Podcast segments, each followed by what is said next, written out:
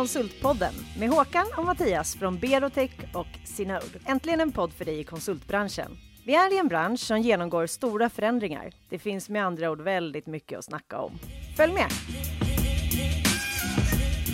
Alright, Konsultpodden avsnitt 10. Eh, Hur känns det Håkan? Det är bra, det är jätteroligt att vara tillbaka. Ja. På Septemberfilm och så får vi träffa nya härliga gäst. Ja, har- Erik här som ska... Fantastisk gäst idag. Erik Ringertz som har varit eh, årets VD, årets chef, årets mångfaldsledare. Du är författare, du har eh, TED-talk, du har fyra barn. Allt möjligt. Hur, hur kom du in i konsultbranschen från Ja. början? Ja, det var, det var faktiskt... ehm, jag läste industriell ekonomi på KTH. Och eh, då särskilt på 90-talet när jag läste, då var det konsultskolan. Så att eh, det var väl ingen på I-linjen som inte blev konsult. Nej, just det. Just det. det var de tiderna också. Ja. Mot din vilja nästan. Ja, men lite så faktiskt. Bitvis, ja. Ja. Jag var från början skulle jag blivit... ehm, eh, jag hade redan ett jobb på Accenture. Så att, eh, och, så att, eh, och då, på den tiden hade ju ingen... Det var innan det då IT-krasch och man Mm. jobbade på företag i hundra år. Så det här var ju precis i den. Och det, då så träffade jag mina gamla kursare som precis hade startat Netlight. Och så Mm. sa de så här, men ska du börja på Accenture? Det är klart du ska börja på Netlight Mhm. istället. Ja, ja, och då så var det precis det här att, ja men varför ska jag egentligen börja på Accenture? Det är ju mycket Just det. roligare här. Så jag hade faktiskt den. Och sen så fick jag Ja. ringa Accenture och säga, jag kommer inte börja. Nej. Och de blev jättearga. Jag, hade, jag tror att jag var den första. Nu, tror jag, det, det, nej. nu vet jag av egen erfarenhet att det inte är ovanligt att man anställer folk som sen kanske ändå inte kommer. Men jag tror att precis. Accenture hade aldrig varit med om det, så jag var en pionjär. fantastiskt. Aj, aj. Tänk vad de gick miste om då. Ja, precis. Eller det, var ju, vad, det hade kanske inte blivit samma sak. Ja, precis. Så du startade Netlight och, och som vi sa innan, ditt CV är egentligen bara Netlight. Ja, Och sen har du författare nu också. ja, 20 år i år. 20 år, det, det är fantastiskt. Så vi kan ju bara berätta kort om Netlight. Ni är ju Mm. verkligen en förebild i konsultbranschen. Ni har vuxit bara organiskt till 1200 medarbetare Mm. i, i massor med olika länder. Mm. Eh, och ni har vunnit bästa arbetsplats, eh, bästa arbetsgivare. Eh, ni har maratongasell. Mm. Hur många år ska man vara gasellföretag då? Åtta. Åtta. Åtta på raken Åtta på raken, ja precis. Och sen så slutade de räkna. sen, sen var det för mycket. Och sen eh, superföretag. Elva. 11 precis. år idag. Det är mest i Sverige. firade det med um, några så här uh, klisterlappar. Har ni sett um, eh, This is the spinal tap? This one goes to 11. De skruvar upp den här, de har sin stärkare Ja. och så här, för att de spelar It's one louder. Just det. Det. Ja, det är rätt. Så vad, vad har ni kvar att, att vinna? Vad, vad är drivkraften framåt? Alltså drivkraften är inte att vinna. Så, att det, så därför så, eh, för annars skulle det vara sorgligt för då till slut så tar ju det här slut. Det, det är Mm. faktiskt en insikt som vi hade på vägen för vi var väldigt mycket drivna av att vinna fram tills för um, fyra, fem år sedan skulle Mm. jag säga. Men sen var det precis det att, att vi blev eh, det gav liksom inte samma kick längre. Så, att, eh, så det där som du sa innan, att vi är en förebild, det gör mig väldigt glad. För Mm. det, det är någonting som vi istället faktiskt vill vara. Det, det, det är intressant för det kan man inte säga Mm. själv. Man kan bara vara en förebild i andras ögon. Men man kan ändå ha den ambitionen att det är det Mm. vi vill vara och det tror jag är drivkraften idag. tror jag är jättebra. Det, det, jag menar, skapar man vinnare så finns det också ett antal förlorare med i ungefär samma paket. Är man en förebild så finns det inte så många förlorare, det finns bara fler som kan liksom följa. Eh, Så det är lite fint tycker jag. Ja, det, det är en sak. Och sen så dessutom så faktum är, jag tycker ju att eh, i tävling när det gäller att vinna så kan man inte gå så långt. Alltså jag tror att del av vår framgång eh, av då att fa- faktiskt vara ganska exceptionella bitvis är just att inte tävla med andra bolag. För så fort du tävlar blir du ju bara så här, snäppet bättre än de andra. Precis. Men om du slutar med det, då blir det plötsligt så här helt ny horisont. Vad var det som hände då för fyra fem år sedan när ni nu ändrade er från Ja. tävlandet? Nej, men det var lite av varje, men, fakt men det var lite en mättnadskänsla kring det här med att, att eh, tävla. Alltså vi, hade, vi hade gjort, vi hade en sån plan, eh, som alla gör i det fallet då, fundera på vad ska vi göra de närmaste fem åren. Det var vår första femårsplan faktiskt, den sträckte sig från 2009 till 2014. Eh, och den var väldigt mycket, vi ska uppnå det här, vi ska uppnå mm. det här och, och liksom mycket jämförelse. Ja. Och sen så på vägen där så märkte vi, ja men vi uppnår ju allt det här. Mm. Eh, och, då, då blev det en tomhet direkt. Jaha, ja, vad ska vi göra nu då? Redan innan vi hade nått 2014 så att säga. Och då började vi säga, vad ska vi göra nu? Och då var vi faktiskt två läger som var, ja vi måste hitta, vi måste sätta ny, högre mål. Eh, där det var vi var några andra som sa så här, men högre mål kommer inte skruva igång oss. Mm, vi, måste, vi måste på något vis släppa det här mm. helt. Mm. Och då kommer vi till ditt ledarskap som ni, ni utmanar branschen. Ni, ni vill sedda som förebilder och du ser ett antal problem kanske med det som vi kallar mer traditionellt ledarskap. Vad, ser du för problem i? Ja, alltså eh, i alla fall för min egen del. För, för jag tycker också att eh, det jag ser som problem, om jag ska helt ärlig, det är eh, inskränktheten kring ledarskap. Att, mm. att eh, näringslivet och vi lite till mans tror att det finns en slags organisation och ett slags ledarskap och inte ens tittar på alternativ. Mm. För jag skulle inte vilja säga att, eh, att det vi gör är det enda rätta och att allt det traditionella sättet att leda på, det är uppenbarligen inte dåligt, för det finns ju massor med framgångsrika företag. Mm. Men det som stör mig är om man tror att det måste vara på det viset. Mm. Mm. Eh, så det, ja, det är väl det som är drivkraften till att tänka lite nytt. Och hur, hur tänker ni då?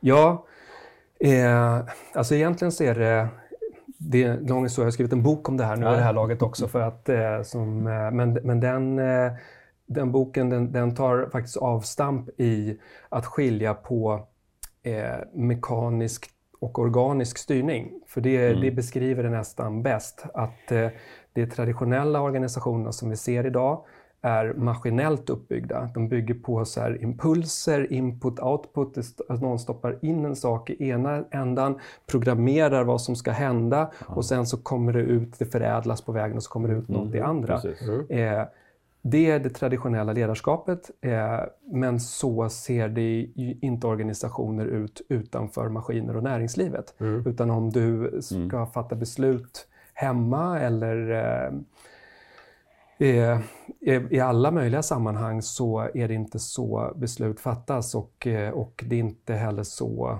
eh, då, vad heter det, det nödvändigtvis organiseras i naturen. Så det var Nej. därför jag gjorde den här, liksom, det mekaniska jämfört med det organiska. organiska. Mm. Plus att det var kul med leken med den organiska tillväxten faktiskt. Mm. Ja, för, att, för det var den som var den, den början. Att, att egentligen så har vi gjort hela vår resa organisk hela tiden. Eh, och sen så någonstans så började jag tänka så här, fast organiskt, alltså det som betyder organiskt idag är ju att man växer eh, utan att köpa andra bolag. Mm.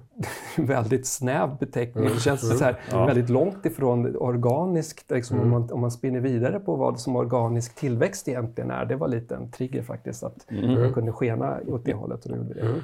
Ja. Vad, är, vad är nycklarna till framgången då? De, liksom, som gör att eh, ert sätt att organisera är vad är det om du tar fram tre saker som ser Ja, men det är um, Eh, alltså nyckel, framgången bygger på möjligheten att nå så här exceptionella resultat. Mm. I, egentligen. Alltså det, de mekaniska organisationerna låser det. Ja. oundvikligt. Så länge du har fyllt spesen så är vi färdiga. Du kan liksom ja. inte komma längre än vad som är sagt. Nej. Och i allmänhet kommer du inte fullt så långt. Nej. Så det, där är liksom grunden i, eftersom frågan var varför mm. är det framgångsrikare? Det. Eh, och eh, nyckeln i det ligger att, eh, att släppa loss var och ens alltså mm. fulla förmåga mm. i möjligaste mån. Så att mm. säga. Så, att, så, så tricket är ju då att genom att inte säga till vad någon ska göra så begränsar du inte den personen. Du, förhoppningsvis skapar du dessutom en lust att prestera som, som leder till, till högre resultat och, och som sagt i det här samspelet mellan vad folk egentligen kan prestera, det, är, mm. går, inte, det, är inte för, det går inte att föreställa sig. Nej. Alltså är det omöjligt att eh, centralt styra det, för det, i alla fall övergår det min... Men du kommer begränsa då? Ja, absolut.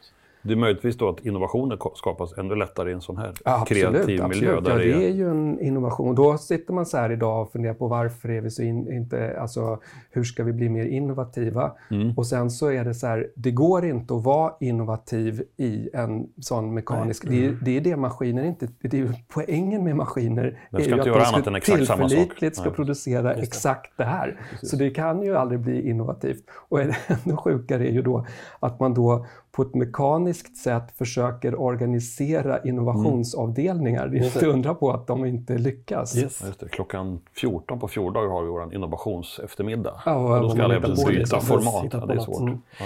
Men ni, jag tycker ni har en bra, bra modell som du beskriver i boken. Att ni, ni ser ert eh, ledarskap som en fågelflock. Att alla kan leda och alla kan följa och att man turas om. Och du hade lite myrstacksmodellen. Ja, jag, jag tänker ni? samma sak hos oss. Vi har inga chefer hos oss heller. Liksom. Och har någon dröm om någon självorganiserande funktion. Mm. Alltså, då är, det är jättespännande att höra att ni också gör det, fast Mm. ännu mer. Det är ju rätt häftigt. Mm.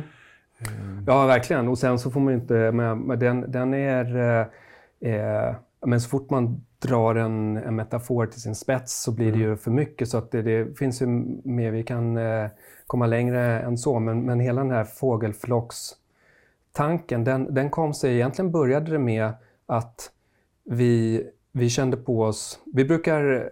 Hur, säga, det närmsta strategiarbete vi kommer på Netlight, det är att definiera eh, nästa år i ett begrepp och i en bild. Mm. Så att säga. Det är en, en sak vi har. För, för att liksom så här, det, det skapar någon slags eh, känsla för alla att ja, men åt den här riktningen, om, om, vi, om vi förhåller oss till det här begreppet så kan vi agera fritt och det kommer bli någonting gemensamt så att säga. Och, och då så var det så här, inför ett år så kändes det som att hela den här frågan, ja, men vi, vi fungerar ju verkligen extremt bra, det här samspelet med varandra. ett plus ett är tre, eller ett plus ett är en, till och med mer än tre. Det blir någonting annat, det det uppgår en ny dimension. Eh, allt det hade vi liksom sett och bejakat och var väldigt stolta över.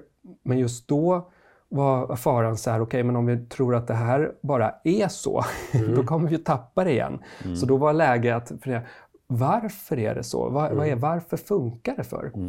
Och då så, eh, då var faktiskt inte fågelflocken där först, utan det första eh, som kom på var eh, begreppet som vi borde enas kring är in command. Vi, eftersom vi då är ett internationellt bolag så kan vi prata engelska då. Men, men vad heter det? Eh, Och in command, det är ett väldigt bra begrepp på engelska för det betyder två saker. Det betyder å ena sidan att jag bestämmer, alltså att om man är in command så bestämmer jag. Å andra sidan betyder in command att jag förstår. Så att in command var ett eh, fantastiskt bra beskrivning. Sen försökte vi hitta en bild på det här. Eh, och då så blev det eh, in command, om du bildgooglar det, så hittar du motsatsen till det vill jag säga. Då är det någon sån här barbröstad snubbe i djungeln med machete och gevär. Liksom, och så, Ja, ja, exakt. Så, att, eh, så det var ju inte alls vad vi menade med in command. Eh, och, då i, och först så tänkte vi så här, vi får ge upp det, vi skiter i bilden. Vi tar, vad heter det, in command och så gör vi istället en logga som är bubblig istället för så, att den, så att den signalerar motsatsen till vad du läser. Ja. Men hon som, som då på Netlight eh, jag sparrades med kring det här, hon kom plötsligt på att hon hade läst en kurs eh, om emergenta system. Så att, eh, och, eh, och då så hade de då i den kursen läst om ett program som hette Boyd. Just det. Eh, och det är ju, så, att, så det var inte en fågelflock, utan vi gick in på ett programmeringsspråk. Ja, just det. För det, det är det vi förstår. Jaha. Eh, och så Boyd är en algoritm för hur eh, fåglar ska röra sig och hur man skulle programmera fågelrobotar. så att, Ja, då ja. så det är det, det vi tog den ifrån. Mm. Men ni strävar mycket med eh, tillit. Mm. Eh, vi pratar om jämlikhet. Och, är alla ledare hos Netlight? Ja, ja, absolut. Ja, men det, det, så är det. det. Och det är en förutsättning eh, att alla kan... Och sen är det en fråga om vad menar vi med ledarskap? Alltså hela den här... Om vi ska stanna där lite så är det fågelflock eller alltså oavsett om det är robotar eller inte. Principen i en sån flock är egentligen så här, följande. Om vi tar det mekaniska systemet först. Då är det alltid, jag delar in folk i ledare och följare. Så att du är ledare mm. över den här gruppen och de mm. ska följa dig. Att det, det är mm. binär ja. uppdelning. Mm, eh, samtidigt är det intressant att det finns inte en ledare utan en följare. Du kan inte ta så här, du är ledare och så finns inte, så att det är två sidor av samma mynt. Mm. Och tittar vi då utanför input-output och det mekaniska, då är vi alltid lite ledare och lite följare samtidigt. Mm. Så där handlar inte heller om att eh, vad heter det, ha olika hattar och nu leder jag och nu följer jag. Det handlar verkligen om att vara ledare och följare samtidigt. Mm. Så att om du har en sån här flock, då funkar det som så att varje individ eh, i fågelflocken eller då på Netlight fattar sina egna beslut. Mm. Utifrån sin egen situation, utifrån sin förmåga. Så att säga. Mm. Och sen får vi väl försöka se till att folk har liksom, bra situationer och en förmåga som duger och utveckla mm. den så att säga. Mm. Men där, där har du den då. Men om, det, om, alla bara gjorde det, då skulle det inte bli något gemensamt. Då skulle det bara få ett så svirr mm. av, eh, av fåglar liksom, ja. eh, som, som inte hängde ihop, så att säga. Så nyckeln är följarskapet. Mm. Att förutom att du fattar dina egna beslut, en input i den är att du alltid tar hänsyn till vad alla andra gör. Mm. Så att, och det är det som är följarskapet. Om du kombinerar det följarskapet, det viktigaste är att, koncentrera sig vara lyhörd för alla andra och sen så agera utifrån det jag mm. anser vara riktigt. Då har du fått ihop det här och det, då uppstår ett emergent system. Det är mm. så du får en organisation att hålla ihop.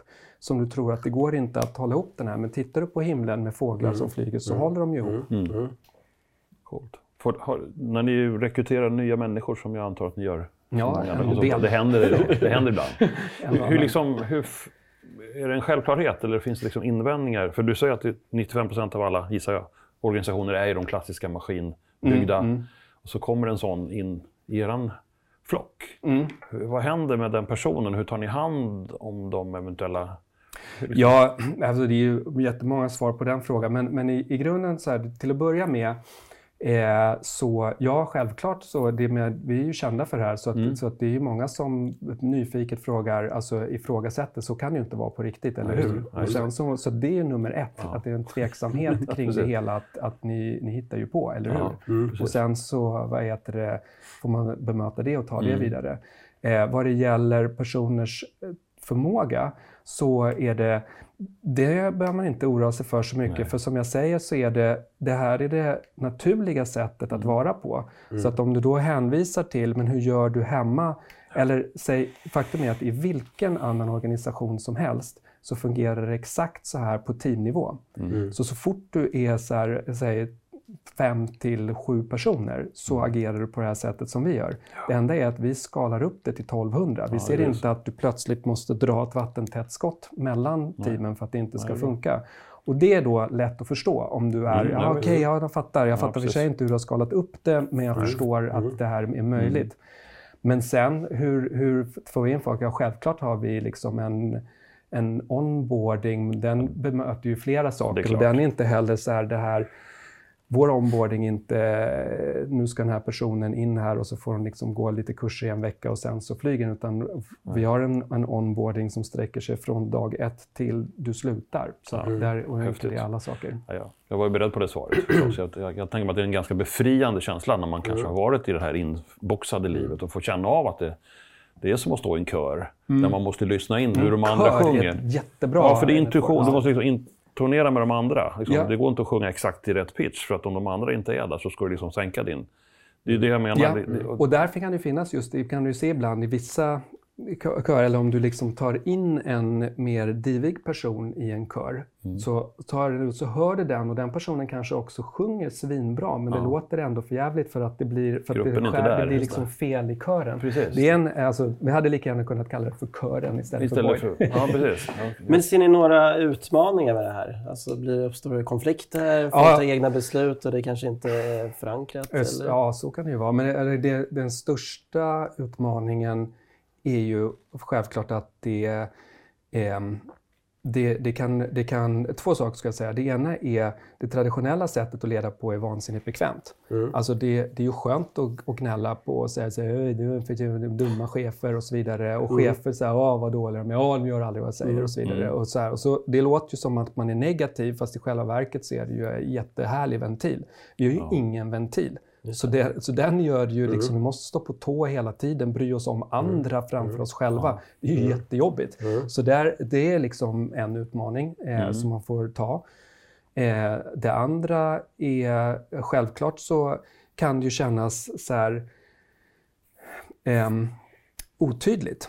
För att det är väldigt mycket, någon gång så var, jag kommer inte ihåg vem det var som sa det, men som hittade, det är liksom det, det, det, är som en ström ju. Alltså Netlights vad heter det, är som en flod som bara strömmar på. Mm. Och om du ger dig in i det och försöker förstå vart är den här floden på mm. väg, mm. så att säga, du, du kommer liksom i värsta fall drunkna. Mm, Den enda sättet är ju bara att luta sig. Alltså, jag vet inte om du har gjort rafting någon gång, men det var då jag kom på det. Ja, då är det, så här, det första man får lära sig är att du ska bara lägga dig bakåt och åka med. med Sen kan du liksom ta och hitta din och, så att du inte drunknar om du försöker. Mm. Så här, mm. Ja. Mm. Och det är väl de största utmaningarna. Mm. Säga. Men ni har någon form av eh, trappmodell, konsultnivåer, ja. eh, fast inte liksom chef? Ja, hur, hur, funkar det och hur, hur kommer man upp till de olika nivåerna? Lite mer konkret. Exakt, ja, men det där är jätteviktigt för att ehm, eh, för jag brukar säga det att vi, vi är inte alls eh, ohierarkiska mm. eh, utan vi har en hierarki. Mm. Och, men den hierarkin är jätteviktig för att om du ska eh, om du själv ska så att säga försöka fatta egna beslut så måste du skaffa dig en uppfattning om hur det är. Och vad heter det om du kommer in i en organisation med 1200 medarbetare? Ja, du kan ju fråga någon, den som är närmast dig, liksom, hur vet du vad den personen vet? Mm. Så att vår, vi har ju en hierarki av perspektiv så att du mm. kan ha lättare att ha en uppfattning om vad kan jag förvänta mig för svar eh, av den ena eller andra personen. Så det är mm. jätteviktigt att den finns där, den här eh, perspektivguiden plus att vi då också skapar en karriär runt omkring det, alltså med vartefter du utvecklar ditt pers mm. perspektiv så att säga, att det blir eh, karriären. Eh, så hur det går till, ja, det är en längre historia än vad vi hinner med kanske, men, mm. men i grunden så är det just eh, att, eh, att vi ser till att försöka utvecklas som, som konsult, eh, alltså och utveckla dina perspektiv. Till att börja med så är det i grunden bara alltså, i all sin enkelhet att bli en bättre och bättre konsult på, på det du gör och vi kallar det för mm. liksom, kompetens, kreativitet och affärsmässighet. Så delar mm. vi upp det och, så, och, sen så, och sen så mer och mer gå över till att bli en förebild. Alltså det är en, vi är en förebildsorganisation även internt. Mm. Eh, och det är ett aktivt val du kan göra, men vi kan ju inte utse en person till förebild. Det är mm. det här som blir det bakvända i hierarkin, men det är inte inte mindre hierarki för det. Mm. Så att du kan sträva efter, du kan vara öppen, du kan inkludera, du kan försöka lyfta andra. På så sätt gör du en karriär. Eh, och andra ja. kommer bedöma det här. Så att till slut, det här kan inte en enskild chef säga, nu är du en förebild. Mm. Alltså, du kan mm. inte få mandatet förebild och det kan inte vara en person som bestämmer utan det blir mer av ett kollektivt så här, mm. betrakta varandra och hitta det. Det är korta svaret på det. Ah. Det finns ett system och så. Jag bara tänkte innan vi går över på kanske hållbarhetsfrågan, alltså innan vi stänger igen för dagen. Så där. Men jag tänkte bara den här frågan kring målbilden som jag gissade då mellan 2009 och 2014, när ni hade kanske liksom mm. väldigt tydliga, så här, mm. nu ska vi faktiskt bli ett gasellföretag, kanske mm. ni sa på något möte. Mm. Mm. Och så blev ni det. Mm. Nu när ni sen vände till att kanske ha liksom en annat sätt, att ni sätter upp någon form av något ord, någon bild kopplat till det. Eh, jag hoppas att svaret är att den här organisationen ni har, liksom, de jackar in i den målbilden lika lätt. Vi, vi, Jämfört med att liksom sätta upp, vi ska bygga säljföretag. Det är ganska klassiskt, ganska lätt att se, lätt ja. att förstå. Man vet också vad man ska göra. Ja, ja absolut. Det här var, vi gjorde, vår förra plan hette Apollo, den ursprungliga, mm. eller ursprungliga den gången det, det är så, jag tycker i efterhand, det känns så bra där och då. Liksom. Det var så här, Apollo, vi tänkte på månlandningen och så mm, vidare. Mm, och så här, vi ska sätta en man på månen och ta tillbaka dem till slutet av mm. det här decenniet. Så att säga. Mm.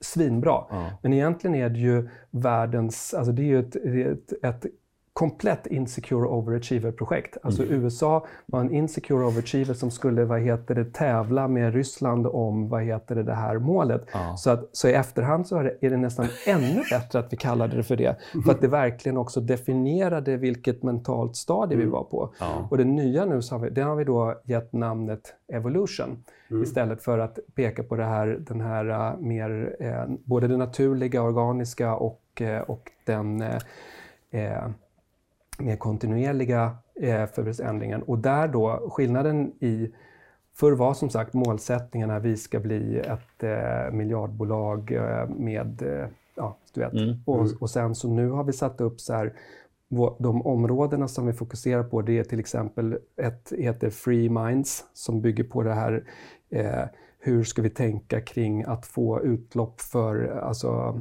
för allas inneboende potential. Ja, ett heter just eh, role modelship som liksom mm. definierar olika dimensioner som, vi, som det mm. här förebildskapet måste ja, kunna agera, hur vi, ska, hur vi ska också vidga nätverket, vad som egentligen är Netlight. Alltså mm. varför går mm. gränsen mm. mellan eh, vem, vem jag får lön av. Alltså mm. egentligen så väljer vi ju kunder på samma sätt mm. som vi väljer netlightare. Eh, egentligen är kunderna till slut netlightare också Mm. Vare sig de vill eller inte, förhoppningsvis så vill mm. de. Och så så att det, det är sådana ja, saker som spännande. den planen pratar ja. om.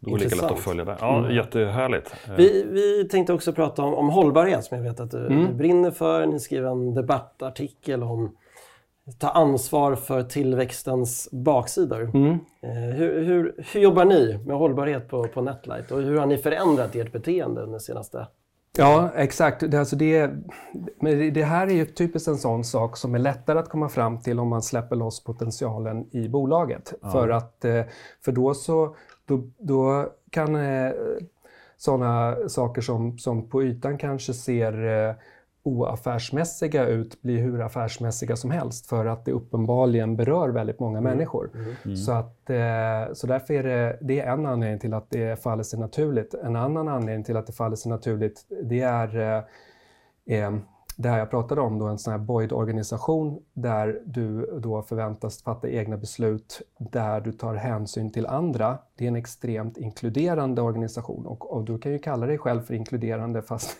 mm. fast du, om du då, då måste du strategiskt jobba med det också. Så, ja. att, eh, så jämlikhet och jämställdhet är ju en ehm, ja, men det är bara en affärsmässig, en mm. affärsmässig definition mm. av att mm. inkludera. Mm. Så därför har det varit eh, på agendan helt naturligt eh, mm. väldigt länge. Eh, och hur vi jobbar med det, ja det är alltså ehm, vad, när det kommer till inklusion och jämställdhet så, så har det varit eh, den, den dök upp redan under den här Apollo-tiden, ska mm. säga. Så, ah, att, eh, så, då så, och då var det eh, att vi såg till, vi, vi ska ta särskild hänsyn till kvinnlig tillväxt. Mm. Vi märkte att med den här tillväxttakten som vi har, mm. vi har två kurvor, vi utgår från ett antal män och sen så drar den i tangentens riktning och kvinnor. Bra. Mm. Då blir det för stort gap, eh, mm. så vi måste ja. luta den kvinnliga kurvan och då startade vi ett projekt som heter Vostok. För det är nämligen Apollos motsats. Vi tänkte att vi tog vad heter det, det ryska rymdprogrammet och plockade in det i vår agenda ja, också. Ja. Eh, och Vostok var just för att vad heter det, de skickade upp den första kvinnan i rymden, ryssarna. Och så hade vi det som ett strategiskt perspektiv. Mm. Eh, när det kommer till eh, miljöansvar mm. Så ja, det, alltså det, det kommer sig inifrån. Alltså det, det är bara någonting så många hos oss vill och mm. bara känner innerst inne. Det, mm. det, är, det, är alltså det är inte något påhitt utan det är så här, det här, så här ska vi ha mm. det. Mm. Eh, hur vi, det är antagligen personer, alltså inklusive mig själv, eh, som är tycker att det är viktigt med klimatfrågor och miljö mm. hemma. Mm. Och det finns ingen skillnad, vi har inga gränser Nej. mellan hemma och jobbet, mm. alltså kommer det med in i jobbet. Mm. Eh, och i vårt fall, då måste man tänka sig, ja, som konsultföretag, var har vi en klimatpåverkan då, om vi mm. tar den mm. specifikt? Och då kom vi på att eh, våra möten, eh, för det, det, är här man måste liksom hitta den punkten där som är affärsmässigt mest kritiska och sen så se, för det, den, vill vi, den vill vi ha kvar. Yes. Och det är där vi antagligen kommer ha störst negativ eh, miljöpåverkan. Och då insåg vi att så här, okay, vår största impact ligger i att för att kunskapsöverföringen på Netlight ska funka så måste vi ses så mycket. Alltså reser vi relativt mycket eh, mellan kontor och liknande. Eh, vi ses väldigt mycket på möten, så vi äter väldigt mycket. Alltså vi, faktum är att så här, vi räknade ut då att vi eh, vad heter det, köper in eh, 65 000 måltider om året. Eh, för då, och då alltså till kontoren. Och vi har petflaskor och så vidare. Eh, Så att vi, vi tittade på all påverkan som möten gör och så sa vi så här, det här måste vi göra någonting åt. Så då bestämde vi för att säga, okej, vi måste resa mycket, checkbox på den, men vi kanske kan ett, få ner resandet lite, två, eh, ta tåget först och främst och flyg bara när det behövs så att säga. Och så, så införde då grundprinciper för det. När det kom till mat gjorde vi en, en eh, intressant sak. Vi ändrade på normen för eh, Eh, för normalt sett så är det så här, de som vill ha vegetarisk kost måste be om det, medan då kött får automatiskt. Just det. Mm. Vi vände på det. Vi sa att du får Enkelt. vegetarisk Enkelt, kost, bra eh, men vad heter det, och om du vill ha kött får du be om det. Yes. Och då så ställde vi om till att Netlight serverar alltså, vi har 80, 80 vegetarisk kost, för det egentligen så skiter du i det. Alltså, så du Ja, får Ja, ja, vad lätt det går när man tänker sådär. Ja. Eh, och, det, och, då, och så tittade precis och då såg vi så här, bra, det, det här är våra främsta klimatpåverkande grejer och sen så ändrade på det. Så det, vi tycker det, ja, det är de konkreta Det är tipsen. bra. Det är jättebra. Vilka bra tips vi fick här. Ja, verkligen.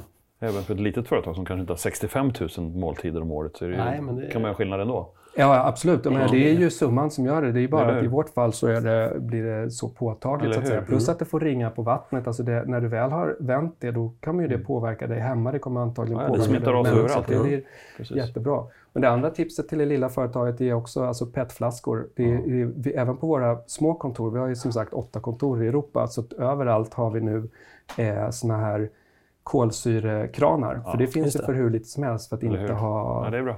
Just Schysst. det. Superbra. Vi börjar, vi börjar gå mot avslut, men Mm. eh, stort tack. Men har du några tips på gäster vi borde ta in här i Konsultpodden? Mm. Ja, det har jag faktiskt. Jag tyckte att, eh, att bara så här, vi pratar om oss själva i konsultbranschen är inte lika mycket. Det är ett intressant inlägg vore ju om ni tog hit eh, lite kunder, alltså inköpare. Så det tycker jag, inte kanske inte inköpsavdelning, det kan vara beställare, alla möjliga personer från företag som köper konsulter skulle vara intressant att höra hur de ser på det vi egentligen tror oss veta. Idag. Varför inte kolla med de som egentligen handlar av oss? Ja, men det är Ja, jättebra, men det är jättebra. tips Erik. Det är jättebra. Vi, jag har någon påtänkt, men vi ska nog gräva mer där. Mm, tycker jag. Härligt. Har du någonting mer? Nej, jag är supernöjd. Igen säger vi super här då, jag tycker det är jättetrevligt att träffa dig Erik. Eh, Det känns som vi skulle kunna prata en timme till. Ja, det hade vi kunnat göra, absolut. En extension jag version någon annan gång. Ja, har band på mig själv. där. Ja, men men stort stort, tack. eh, stort tack! Ja, tack själv, det var kul. Tack. Avsnitt 10 av Konsultpodden med Mattias Loxi och Håkan Mild Svensson. Dagens gäst var Erik Ringertz på Netlight och Septemberfilm stod för produktionen.